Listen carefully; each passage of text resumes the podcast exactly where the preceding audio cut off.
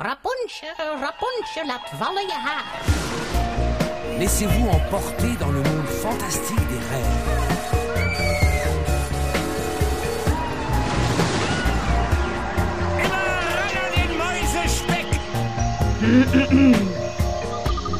Het is weer ochtend in Pretparkland. Goedemorgen pretparkland en welkom bij je ochtendelijke pretparkpodcast. Mijn naam is Erwin Taats en in het interview van deze maand spreek ik met dierentuinexpert Goof Lukke.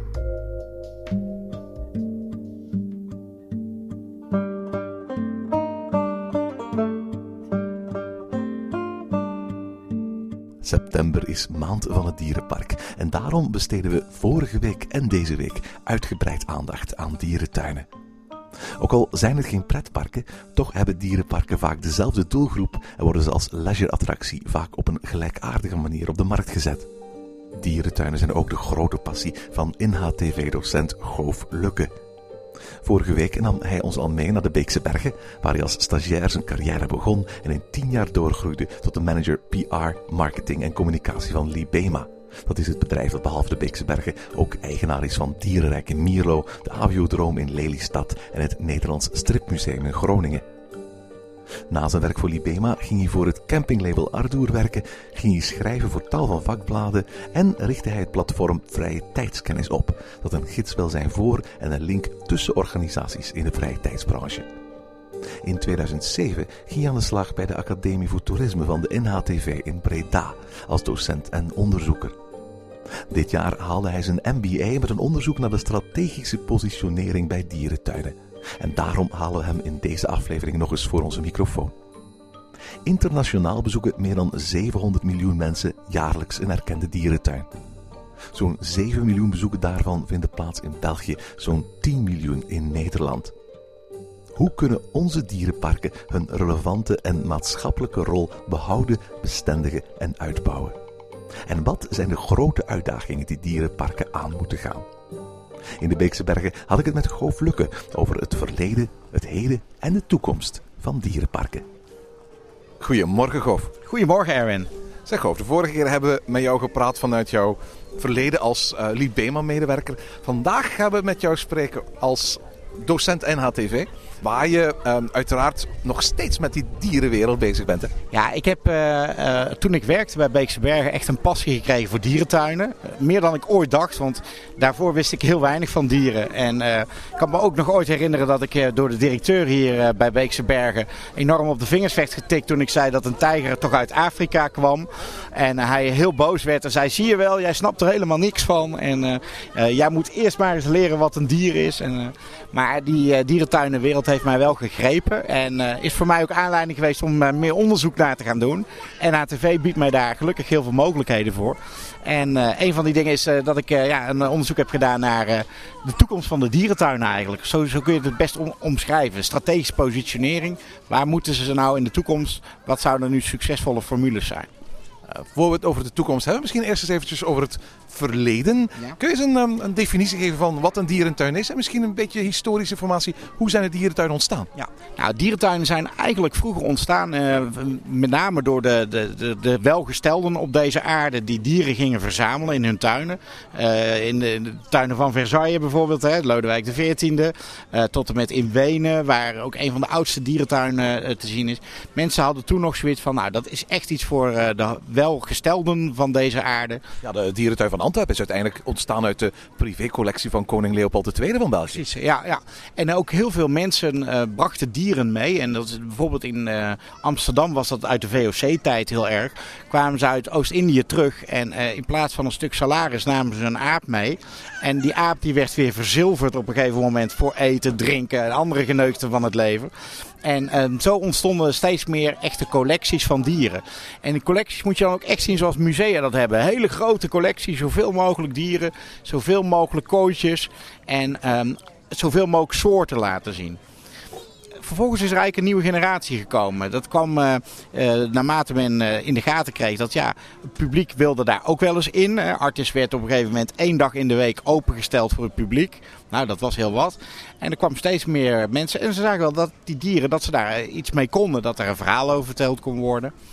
Vervolgens kwam er eigenlijk in vogelvlucht een een nieuwe ontwikkeling. En die werd met name door meneer Hagenbeck ingezet. Een, een Duitser die eigenlijk zei, wij moeten die dieren niet meer in een kooi stoppen. Maar we moeten ze eigenlijk in hun natuurlijke omgeving laten zien. Wanneer was het ongeveer? Dat is in de jaren 50, 60 zeg maar heel, heel, heel sterk in opkomst gekomen. er kwamen echt mooie verblijven. Wat meer eigenlijk de verblijven die een biotoop lieten zien.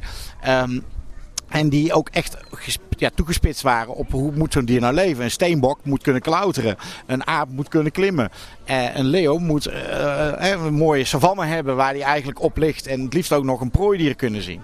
Nou, dat, uh, die ontwikkeling die zetten zich steeds verder door. Uh, en vervolgens zijn we in Nederland eigenlijk uh, heel innovatief geweest. In Nederlandse dierentuinen is men vrij snel gaan innoveren. Omdat men hier een groot aanbod had van heel veel dierentuinen.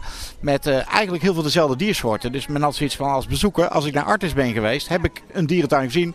Hoef ik niet naar Ouwehand, hoef ik niet naar Amersfoort, want dan, dan heb ik alles al meegemaakt. Toen zijn dierentuinen gaan nadenken over van hoe kunnen we nou specialiseren. Hoe kunnen we nou die bezoeker het aantrekkelijk maken om verschillende dierentuinen. En we hebben er maar liefst 15 in het kleine landje met 16 miljoen mensen. Um, hoe kunnen we die mensen triggeren om naar ons toe te komen. En uh, eigenlijk toen is de, uh, de nieuwe richting ingezet.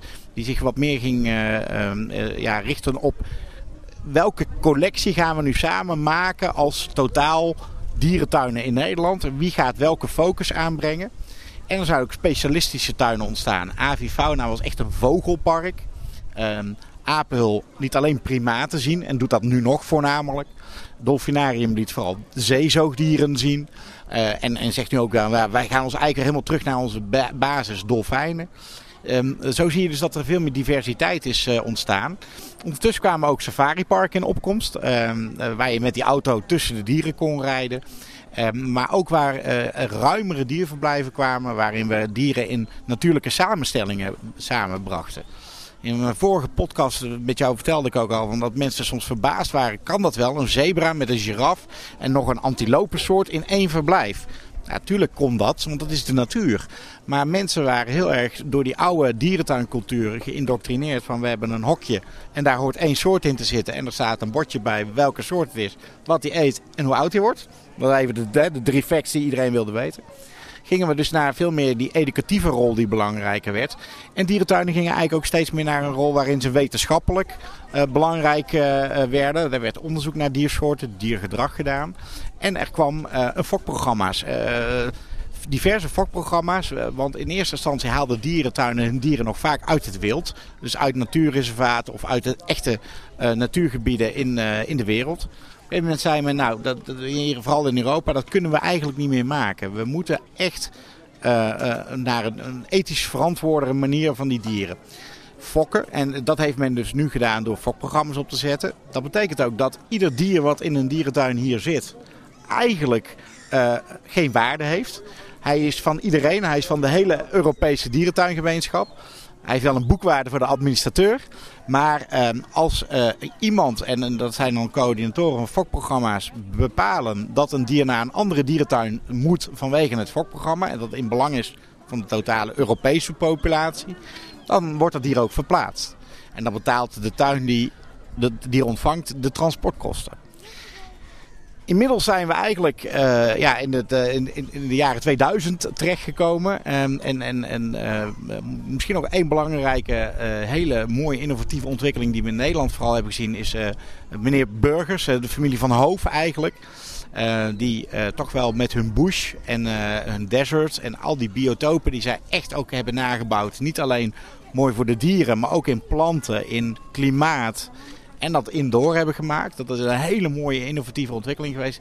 Dat heeft wel een trend gezet naar steeds meer andere tuinen in de wereld. Om uh, ja, steeds meer in thema's te gaan denken. In uh, themagebieden die ook te, als zodanig te benoemen. En eigenlijk een, ja, een stukje uh, wilde natuur na te bouwen.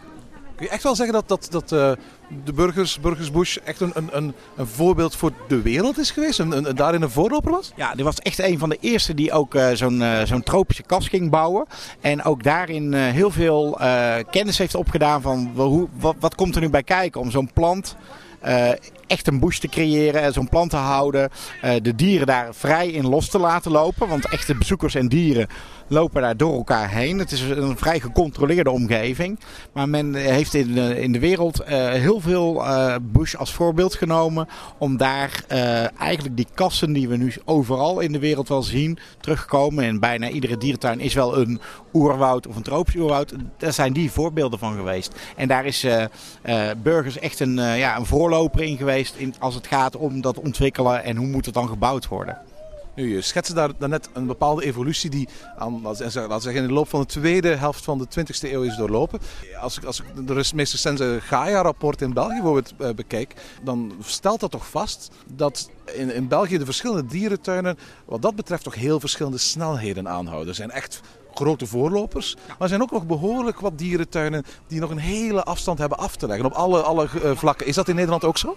Dat uh, is in Nederland ook zo, want als ik zeg er zijn hier 15 dierentuinen, dan bedoel ik daarmee dat er 15 erkende dierentuinen zijn.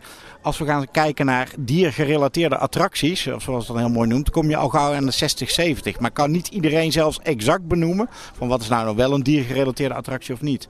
Um, en, en, het verschil in professionalisering, in um, uh, ethisch handelen van die dierentuinen, in fokprogramma's, in wetenschappelijk onderzoek, wordt eigenlijk gemaakt door uh, een lid te zijn van de Europese dierentuinorganisatie. Die heet EASA, de European Association of Zoos and Aquariums.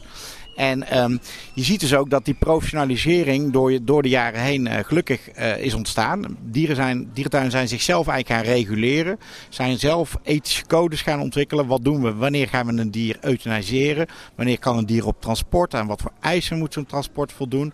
Wat voor eisen heeft een verblijf? Uh, wat doen we aan verrijking van het leven van het dier? Wat doen we aan uh, welzijn van het dier? Um, daarin zie je dus dat de, de, echte grote dierentuinen lid zijn van die Europese associatie. En um, in België zien we nog een, een beetje een tweedeling. We hebben een aantal dierentuinen die zijn daar al, al helemaal bij op aangesloten, een aantal nog niet. En die staan nu voor een keuze van wat, wat gaan we daarin doen? Gaan we ons aansluiten bij die normen met een hoop eisen die daar omheen zitten? Um, of gaan we inderdaad zelfstandig blijven. Maar ik verwacht dat daar de eerste druk op zal komen vanuit de wereld. Voor uh, mensen die uh, ja, toch dierenparken hebben. Waarin ja, hier en daar nog niet ethisch uh, gehandeld wordt. daar wordt soms in bedreigde diersoorten gehandeld. In andere gevallen voldoen verblijven niet aan eisen. Dus ja, dat, dat wordt, wordt een, echt een issue in de toekomst. Uiteraard om aanbeveling voor de toekomst te doen moet je wellicht eerst beginnen met een inventarisering van hoe het nu is. Ja, klopt. Nou, het grappige is, er is heel veel onderzoek gedaan uh, naar dierentuinen. Er wordt heel veel onderzoek gedaan naar hoe kunnen we mensen iets leren. Uh, wat zijn biologisch gezien interessante dingen om te doen. Um, de dierentuin als uh, leisurebestemming, dat is eigenlijk iets wat een ondergeschoven kind nog is. En dat heeft ook vaak te maken met dat dierentuinen vanuit het verleden eigenlijk uh, vaak gesubsidieerd zijn. De bezoeker kwam wel en het was eigenlijk een van de weinige dingen die je in het weekend kon doen. Intussen hebben we, en dat, dat weet jij denk ik als geen ander, enorm aanbod aan attracties, aan gratis evenementen, aan winkelen, aan noem het maar op dat uh, die dierentuinen eigenlijk steeds meer ook gedwongen worden naar die leisurekant te gaan kijken. En naar een verdienmodel te kijken. Subsidies worden minder. Hier, zeker hier in Nederland. Uh, een dierentuin als Emmen heeft onder druk gestaan. De dierentuin als Blijdorp ook. Nou, dat waren twee voorbeelden van tuinen die volledig uh, afhankelijk, voor een groot deel afhankelijk waren van subsidies. Safari Park Beekse Berg is daarentegen een heel ander park, wat uh, een commercieel bedrijf is. En we hebben daartussenin ook nog stichtingen. Apenhul is bijvoorbeeld een stichting die um, ja, geen winstoogmerk heeft, maar wel ook uh, zichzelf moet voorzien en eigenlijk nog wat meer geld wil verdienen om ook weer in natuurbescherming te steken. Dus eigenlijk zien we nu dat die leisure kant, die bedrijfsmatige kant van de dierentuin, steeds belangrijker is geworden. Eigenlijk hoor ik je nu zeggen, eigenlijk groeit de wereld van de dierenparken en die van de, de pretparken, de themaparken steeds dichter bij elkaar. Ja, absoluut. En het, ik, ik heb hier natuurlijk altijd in een dierentuin gewerkt, Beekse Bergen, die ook commerciële functies had en ook een commerciële grond had. Uh, daardoor waren mijn ogen ook wat meer gericht op wat doen andere attracties, wat doen andere vakantieparken, wat doen eigenlijk heel veel andere spelers in die leisuremarkt. En ehm, dat begint nu langzaam natuurlijk ook een eh, issue te worden voor al die dierentuinen. Dierentuinen moeten dus inderdaad ook gaan leren van pretparken. Van hoe gaat dat met bezoekersstromen? Hoe is dat met merchandising? Uh, wat kan ik met retail, uh, winkels, met horeca doen? Um, en ook veel meer gaan nadenken over die beleving. Natuurlijk zijn de dieren het product. De achtbaan is niet het product, maar de dieren zijn het product. Nou, dat vraagt anders dan een achtbaan heel veel uh, know-how op het gebied van fokken en dierverblijf en dat soort zaken. Uh, want je kan niet zomaar even zeggen, doe mij even tien olifanten, kom maar hierheen. Uh, je kan wel zeggen, doe mij een BNM. Die, die, heb ik dan over anderhalf jaar en dan staat hij en dan hopelijk doet hij het. Um, maar dat is met dierentuinen anders. Dus men moet het ook gaan zoeken in, in hoe kan ik nou dat verhaal over die dieren, hoe kan ik dat nu bij die bezoeker brengen? Hoe kan ik ze in een beleveniswereld brengen? Um, ik vind Paradisa in, uh, in België een heel mooi voorbeeld van de dierentuin zoals die in de huidige tijd zou moeten functioneren. Daarin is thematisering bijna net zo belangrijk als het dierverblijf. En is de cultuur waarin de mensen leven samen met die dieren eigenlijk net zo belangrijk als het dier zelf. Dus je ziet dat die dierentuinen veel meer aan het verschuiven zijn naar ja, toch wel meer de pretparkkant. En daar aspecten van moeten lenen. Maar ook niet moeten vergeten dat ze die ideëlere functie hebben en, en die spanningsvelden. Want het werken met levende dieren is anders dan een achtbaan. Als een achtbaan in storing staat, staat hij in storing. Kun je hem afbreken als je hem niet meer wilt. Een dier doodmaken is, het ligt heel gevoelig, kan ik je vertellen. Ik kan me ook, ook, voorstellen dat, ik, ik heb er eigenlijk geen idee van, hoor, maar dat, dat de budgetten waarmee het gemiddelde dierenpark moet werken heel anders zijn dan de gemiddelde budgetten van een pretpark. En dat dat ook gevolgen heeft voor de implementatie van veel van dat soort leisure-ideeën. Ja, nou, de kostenstructuur van een park is uh, uh, heel anders. Want hier heb je dieren uh, eh, 365 dagen per jaar. Moet altijd verzorgd worden. Of er nou een bezoeker is of niet. Of er 100.000 bezoekers zijn of één. Altijd, iedere dag staan hier 50 man in Beeksbergen hard te werken, zeven dagen in de week, ook op kerst, ook met oud en nieuw, om die dieren te verzorgen. Dus die kostenstructuur is op dat vlak al anders. Um, waar pretparken eigenlijk zeggen, als we dicht zijn, nou, dan staat alles stil en is er geen personeel of amper personeel, is hier dat personeel altijd aanwezig. Um, verder kun je heel veel dingen vergelijken hoor. Is heel veel hetzelfde. Zij het dat um, de investeringen die je doet, vooral die doe je in verblijven.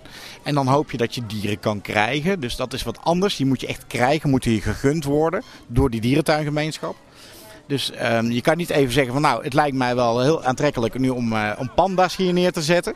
Want een panda krijgen, dat is uh, uh, niet zomaar geregeld. In tegenstelling tot een leeuw. Leeuwen zijn er te over in de dierentuinwereld. Um, dus er zijn ook diersoorten die heel goed zich voortplanten in gevangenschap. Of dieren die gewoon ja, zeldzamer worden of zeldzaam zijn. Uh, maar wel een hoge eiwitfactor hebben, zoals die panda ja, als je panda van China, want geloof ik zijn allemaal eigendom van, van, van uh, Volksrepubliek China, alle panda's ter wereld. Als je een panda in je park kunt krijgen, dan, dan heb je massaal veel bezoekers. Hè? Hier in de Beekse is er ooit in geweest, hè? Ja, we hebben hier in uh, eind jaren 80, is hier een jaar lang zijn twee panda's hier geweest. En dat is een soort uitwisselingsproject die je met de Chinese overheid opzet. Waarbij ook vaak geld een rol speelt, maar ook heel veel lobby, zaken doen met die Chinezen. Um, het is toen gelukt om uh, panda's hier een jaar te krijgen. En dat zorgt ook meteen voor 60.000 meer bezoekers. Dus het geeft ook wel aan dat dat een, uh, ja, op een of andere manier een hele aantrekkelijke diersoort is. Omdat hij vrij uniek is. Je kan hem ook maar op een aantal plekken in Europa op dit moment zien. Um, uh, dat aan de ene kant. En, en B, het, heeft, ja, het is symbool van het Wereld Natuurfonds. Het is een aaibaar dier, zwart-wit. ja, het heeft een soort mystiek om zich heen, denk ik. Hoe ben je nu precies aan het onderzoek begonnen? Welke, welke cases heb je onderzocht? Nou, ik uh, ben op een gegeven moment gaan nadenken van ja, wat, hoe, hoe kan ik nou erachter komen hoe dierentuinen nadenken over hun bedrijfsvoering. Over welke keuzes zij maken om hun uh, collectie samen te stellen, om hun uh, belevenissen samen te maken. En uiteindelijk is, heb ik gekozen om met diverse dierentuindirecties interviews te gaan houden op een aantal topics. En die topics te benoemen, vooral als het ging om hoe bepaal je nou je collectie? Welke belevenisinstrumenten zet je nu in? Um, zet je überhaupt bewust een belevenisinstrument in als storytelling of als thematisering of als uh, uh, het bouwen van attracties misschien wel? En het, het, leuke wat je tegenkomt is dat uh, daar, daar, daar die directies soms heel erg mee bezig zijn dan zijn het vaak ook directies die geen echte dierentuinachtergrond hebben, maar meer die commerciële achtergrond. Die zitten echt op gasbeleving, op omzet, winst, op hoe kunnen we nou beter rendement draaien. Wij zien ook nog een aantal directies die zijn echt uit de dierentuinwereld gekomen. We weten heel veel van fokken van die dieren af. Uh, weten heel veel van ehm, uh, waar kan ik mijn dieren vandaan halen, wat heel belangrijk ook is. En wat we steeds meer zien is dat er een soort mix ontstaat. Er is een, iemand is verantwoordelijk voor de collectie, de echte dierentuinman. En er is een commerciële man. Paradise, ook wel een heel mooi voorbeeld denk ik daarvan. Hebben bewust iemand, een, een topman uit de dierentuinwereld aangetrokken. Om dat hele dierentuinverhaal, dat product, goed te organiseren. Uh, maar hebben ook een commerciële man die heel goed een visie heeft van wat moet ik nu die bezoeker bieden. een soort ideaalbeeld wat hij voor zich heeft van waar hij naartoe wil. En um, die mix die zie je ook terug binnen die Nederlandse dierentuinen. Men is dus hier ook heel erg aan nadenken hoe kan ik me nou anders maken dan al die andere tuinen in Nederland. En het gekke is natuurlijk dat ja, doordat er in Nederland zoveel dierentuinen al van oudsher zijn, is die noodzaak er ook meer. Want de bezoeker komt niet zomaar meer. Dus de bezoeker moet echt een unieke reden hebben om te komen. En um, we zien dus ook dat, uh, ja, dat er focus ontstaan. Focus in specialisatie. Dus hè, zoals apel, avifauna. Uh, maar we zien ook dat uh, men keuzes gaat maken. Uh, Amersfoort is bijvoorbeeld een dierentuin die heeft gezegd... wij willen spelen en kinderen centraal stellen. Wij gaan ook overal bij ieder dierverblijf speeltoestellen ontwikkelen. Nou, dat is ook een keuze. Safari Park Beekse Bergen, Afrika. Dat moet het worden. Ouwehands Dierenpark heeft bijvoorbeeld heel erg gekozen om uh, een hele grote indoor speeltuin te ontwikkelen. Nou, Emmen heeft hele ambitieuze plannen als het gaat om beleving terugbrengen in, in, in meer thema's als warmte, kou, uh, moeras, oerwoud. Eigenlijk uh, al wel richting de Animal Kingdoms van deze wereld. Hè, de Disney dierentuin. Um, zij willen ook echt naar een, een entreeprijs die op het niveau van een Efteling ligt. Omdat zij zeggen wij gaan zo'n unieke beleving bieden. Dat kun je nergens anders meer krijgen. En, zo zie je dus dat de focussen en keuzes uh, bewuster gemaakt worden. Is mijn indruk juist dat in tegenstelling tot, tot pretparken, dierenparken vaak een veel regionalere functie vervullen dan dat bij pretparken het geval is? Of is dat een verouderde denkwijze? Dat is een, ja, dat, nee, er, is wel een hele duidelijke, uit mijn onderzoek blijkt een hele duidelijke keuze die men moet maken. Zegt men nu, ik wil een regionaal park zijn. En dan richt ik me ook heel veel op herhaalbezoek, op abonnementhouders, op uh, eigenlijk die, die directe straal. Daar moet ook een goed verzorgingsgebied omheen zitten. Uh, Dierenpark Amersfoort heeft daar bijvoorbeeld echt voor gekozen. Hebben gezegd, wij gaan niet meer landelijk investeren in grote marketingcampagnes. Wij zijn er voor de regio en uit die regio kunnen wij een goede boterham halen. Er zijn ook dierentuinen die zeggen nee, wij willen voor dat nationale gaan. Nou, Safari Park Beekse Berg zijn een voorbeeld van. Die zeggen echt waar, wij zien potentie om door te groeien naar een miljoen bezoekers. Um, maar dat betekent wel dat wij grotere campagnes in moeten gaan zetten. Dat wij een landelijke markt willen gaan opzetten. Dus er is zowel een regionaal aanbod. Um, hier in Nederland hebben we ook de Zodiac dierentuinen. Dat zijn juist kleine dierenparken die zeggen wij willen een half dag leuke dierentuin bieden voor mensen met een, voor een kleinere beurs. Nou, en daar zijn er inmiddels drie van. Eentje in Friesland, eentje op de Veluwe, eentje in Brabant, Overloon. Nou, daar is ook markt voor. Dus het, het, er wordt bewuster over nagedacht, ben ik nu regionaal of ben ik nationaal? Wat kunnen dierenparken concreet van pretparken leren? Nou, ik denk dat ze vooral die belevenisinstrumenten moeten, moeten bekijken. Hè. Wat, wat, wat een Disney natuurlijk uh, fantastisch doet, is storytelling. Als je het hebt over storytelling, uh, ieder verhaal van een dier is zo leuk vaak. Als je je daarin gaat verdiepen. En toen ik hier uh, verantwoordelijk was voor, voor marketing en PR, ging ik ook op zoek naar die verhalen. Want media was op, waren op zoek naar het verhaal achter het dier. En of dat dier nou een naam heeft, hè, dus een verhaal meemaakte dat hij zijn poot drie keer heeft gebroken en drie keer is geopereerd. Of dat hij een verhaal heeft zoals die Vietnamese uh, leaseherten die we hier hebben. De, er zit achter ieder dier wel een verhaal. Dus die story die kan heel leerling zijn. Thematisering is een tweede. Ik denk dat als je gaat kijken naar wat mensen leuk vinden, die willen even ontsnappen uit die realiteit. Die willen naar een andere wereld toe. Uh, dat doen pretparken al heel goed met themagebieden, thematisering, alles in detail doorgevoerd. Het eten, drinken, uh, personeel in aankleding. Uh, dat, dat kunnen dierentuinen ook nog veel beter leren. En, en, en zeker ook de commerciële kant, merchandising, food and beverage. Wat kun je daar allemaal mee doen? Ja, daar, daar zijn pretparken voorlopers in en daar moeten dierentuinen nog heel wat stappen in maken. Wat is volgens jou de toekomst van de dierenpark? Ik denk dat uh, dierentuinen een heel belangrijk onderdeel blijven van die leisuremarkt. Uh, op dit moment zien we dat wereldwijd 700 miljoen mensen naar zo'n kleine 300 erkende dierentuinen gaan. Dat is een gigantisch aantal, dus dat blijft ook zo. Ik denk dat het ook een stuk opvoeding is binnen een, uh, een kind. Om een kind te kennis laten maken met die natuur.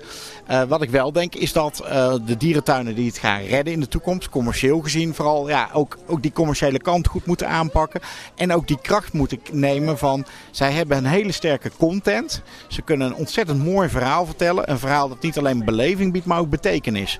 En vooral dat laatste is natuurlijk iets waar mensen de laatste jaren steeds meer naartoe aan het zoeken zijn. We hebben nu allemaal de beleveniseconomie hebben we die zien we. Um, uh, het moet leuk zijn, het moet mooi zijn, maar als het daar ook nog eens betekenis krijgt, of als ik een bijdrage op die manier kan leveren aan natuurbescherming of aan een goed doel.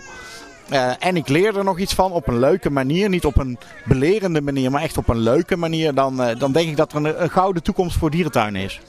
We hebben het in de vorige aflevering al eventjes gehad over Disney's Animal Kingdom. Ja. Over Busch Gardens. Dat twee parken zijn die behalve dieren ook een, een, een, behoorlijk arsenaal spectaculaire attracties hebben. En bijvoorbeeld in België heb je ook Bellewaarde dat een mix maakt van aan de ene kant dierenpark met attracties dit jaar, een nieuwe indoor-achtbaan en zo. Um, hoe zie je die evolutie? Nou, ik, ik, het verbaast mij nog steeds dat wij dat in Nederland, dat er nog niemand die stap heeft durven nemen. Bellewaarde is een mooi voorbeeld van hoe dat dus inderdaad kan. Um, in uh, Engeland hebben we Chessington. Die hebben ook een mix van dierentuin attracties. Um, ik denk dat daar absoluut een markt voor is. Dus dat als je die integratie goed doet. En dan moet je niet denken dat hier meteen een hoop ijzeren geweld in die parken moet komen. Maar ik vind daar in Busch Gardens echt, echt leading als het gaat om. Uh, het zoeken naar het verhaal van het dier. Het jachtluipaard wat hard kan rennen. Het jachtluipaard ook daadwerkelijk laten zien in zijn jacht. Dus dat is ook echt een aantal keer per dag zie je een jachtluipaard op dat supersonische hoogtepunt van de dag wat hij iedere dag heeft als hij die 100 km per uur rent. En dan kun je ook nog zien wat zijn snelheid was, want ze hebben er een snelheidsmeter bij staan. Ik denk dat we daar naartoe moeten, dat dat meer de, de, de mix moet worden. Het, moet dus de, het attractie staat ten doel van um, het verhaal over het dier. Uh, men gaat nu in uh, Busch Gardens een freefall tower bouwen. Waarin je omhoog gaat, maar waar je de val van een roofvogel maar, uh, eigenlijk kan, kan beleven. Ik kan mij voelen als die roofvogel. En daarbij kan ik uit gaan leggen wat, hoe die jachttechniek is en hoe dat allemaal. Dus ik denk dat als die attracties ten dienste komen te staan van het verhaal en van de content, dat dat de, wel de toekomst is. Welk park hier in Nederland of misschien in België zie je als eerste zo'n stappen zetten? Nou, het, het verhaal is dat, dat, dat je ruimte moet hebben. Om, een, een coaster vraagt ruimte uh, uh, of een attractie. Uh, maar het vraagt ook vooral lef, investeringslef.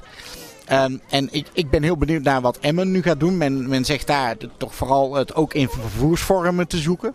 Uh, maar echt heel veel details komen er nog niet naar buiten.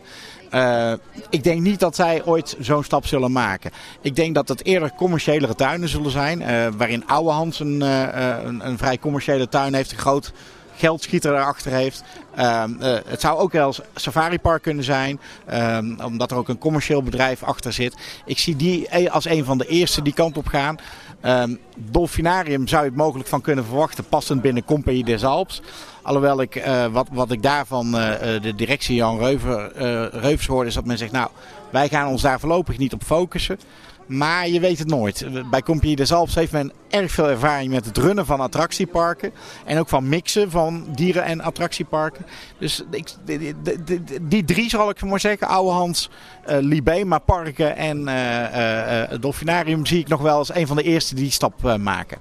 Je hebt natuurlijk al heel veel parken in de wereld gezien, hè, Gof? Uh, als, als je zou zeggen van kijk, voor onze luisteraars gaan we een aantal tips geven. Ja. Eerst hier in de Benelux en dan misschien wat verder daarbuiten. Wat ja. zijn zo'n beetje de topdierenparken en waarom? Uh, nou, het Safari Park natuurlijk als eerste, maar dat, dat, dat, moet ik ook wel doen. Dat ben ik verschuldigd aan mijn historie. Um, nee, maar als ik in Nederland ga kijken, dan, uh, dan, dan vind ik als, als, als highlight echt Burgers Bush. Uh, althans, Burgers als totaal, hè. Bush Desert Ocean. In Arnhem. Arnhem, ja. Uh, Blijdorp in, uh, in Rotterdam, wat echt een tuin is die uh, de laatste jaren veel investeringen heeft gedaan en een leuke ontwikkelingen heeft gedaan. Um, gaan we de grens over, dan komen we al bij Paradisa. Echt wel, dat vind ik de laatste jaren echt een heel goed voorbeeld. Niet voor niks succesvol in bezoekersaantallen. absoluut een, een must om naartoe te gaan. Um, Duitsland, uh, Zoom, Erlebnis Zo. Nou, het zegt het al, een belevenis dierentuin. Ook daar thematisch is men te werk gegaan. Een stuk Noord-Amerika, een stuk Afrika en een stuk Azië. Met zelfs een uh, restaurant wat s'avonds nog publiek toegankelijk is. Dus als je nou zegt, nou ik wil niet echt heel veel dierentuin zien. Maar ik wil wel een keer lekker Aziatisch eten met wat dieren de achtergrond. Dat kan daar. Dus dat is absoluut een tip. En uh, in, in, uh, als ik dan zeg maar nog Frankrijk nog uh, wat mag noemen, is Cerza, een dierentuin in het noorden van, van Frankrijk. absoluut een aanrader. En ehm, een dierentuin net iets onder Parijs, Brugelet, nog iets meer onder. En daar heeft men panda's, dus ja, daar moet je ook naartoe. Ja, we hebben het al de hele tijd gehad over wat uh, dierenparken kunnen leren van pretparken. Zijn er ook dingen waarvan je zegt van dit zouden pretparken best wel kunnen leren van dierenparken? Ja, ik denk toch wel ook weer die content. Die content wordt in mijn ogen steeds belangrijker. Dus je moet een verhaal vertellen, je moet een goed verhaal hebben. Pretparken kopen vaak uh, uh, uh, ja, content in de vorm van IP's of wat, wat dan ook. Um, en ik denk dat ze soms ook wel eens meer naar uh, hun omgeving mogen kijken.